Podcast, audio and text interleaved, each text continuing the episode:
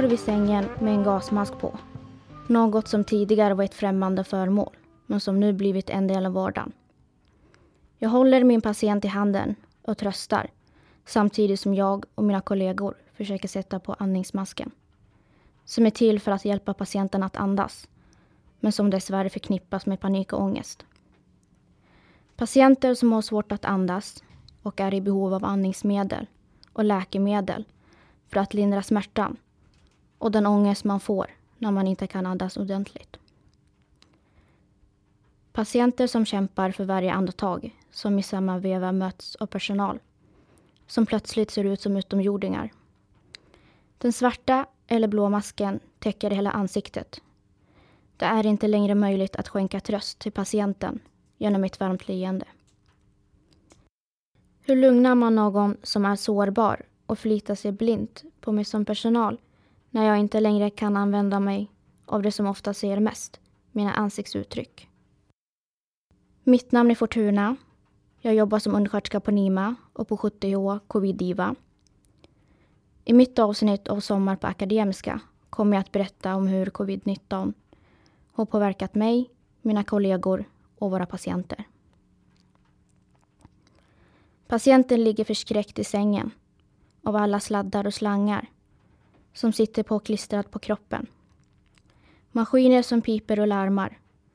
Jag ser patientens ångestfyllda blick som sitter frågandes på mig. Genom att skapa goda förutsättningar lyckas vi tillfredsställa patienten. Vi ökar närvaron genom att ägna mer tid hos patienten. Vi för kontinuerligt en dialog om behandlingen och behandlingens effekt samt ger utrymme för patientdelaktighet. Det gör att vi skapar effektivare behandling med färre komplikationer och bidrar med lugnande inverkan. Medan vi vårdar och jobbar i gasmasker täcks patienternas näsa och mun av andningsmask som hela ansiktet nästan ryms i. Detta försvårar ytterligare en redan försvarad kommunikation vilket gör att vi hamnar i en ond och komplicerad spiral. Patienten behöver masken för att kunna andas naturligt. Men det skapar som sagt panik och oro. I situationer som dessa har vi ändrat vårt sätt att arbeta, anpassat oss och funnit nya vägar för att sprida lugn, skapa harmoni och trygghet. Jag stänger av larmen en stund i väntan på att patienten ska hämta andan så vi kan fortsätta arbeta. Det är respiratorer och skåpen som regelbundet mäter puls, blodtryck, andningsfrekvens och syremätnaden. När det har varit extra tufft eller jobbigt så har jag och mina arbetskamrater tagit hand om varandra genom att bland annat reflektera över dagen och hur vi kan förbättra arbetsmiljön för både oss och patienterna. Det har varit berikande. Hösten 2020, i början av andra vågen, var jag ny anställd på Akademiska sjukhuset.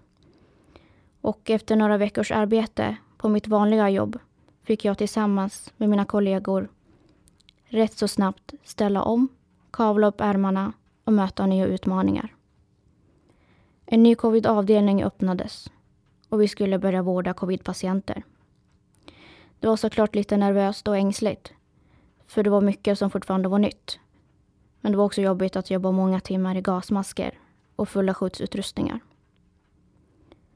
Jag som redan var relativt ny på mitt jobb var extra tveksam till att börja jobba på en ny avdelning.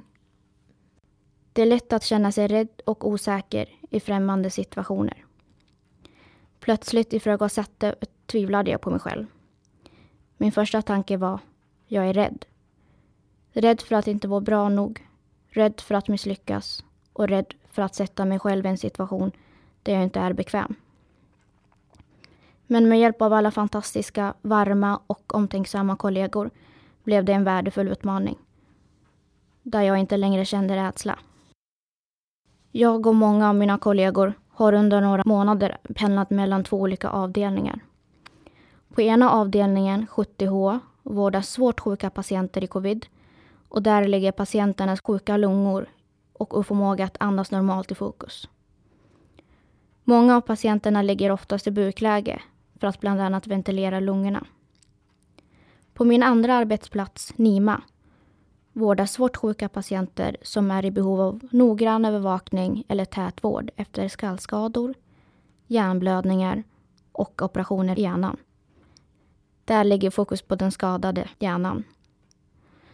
Att pendla mellan dessa två olika avdelningar där vården och arbetsuppgifterna är varierande har varit givande, utmanande men framför allt lärorikt. I och med att covid har blossat upp och tvingat hela sjukvården att ställa om, inte minst för mig och mina kollegor, har vi fått väldigt mycket erfarenheter på kort tid och dessutom upplevt många nya saker som har varit betydelsefulla. Jag har träffat kollegor från olika delar av sjukhuset.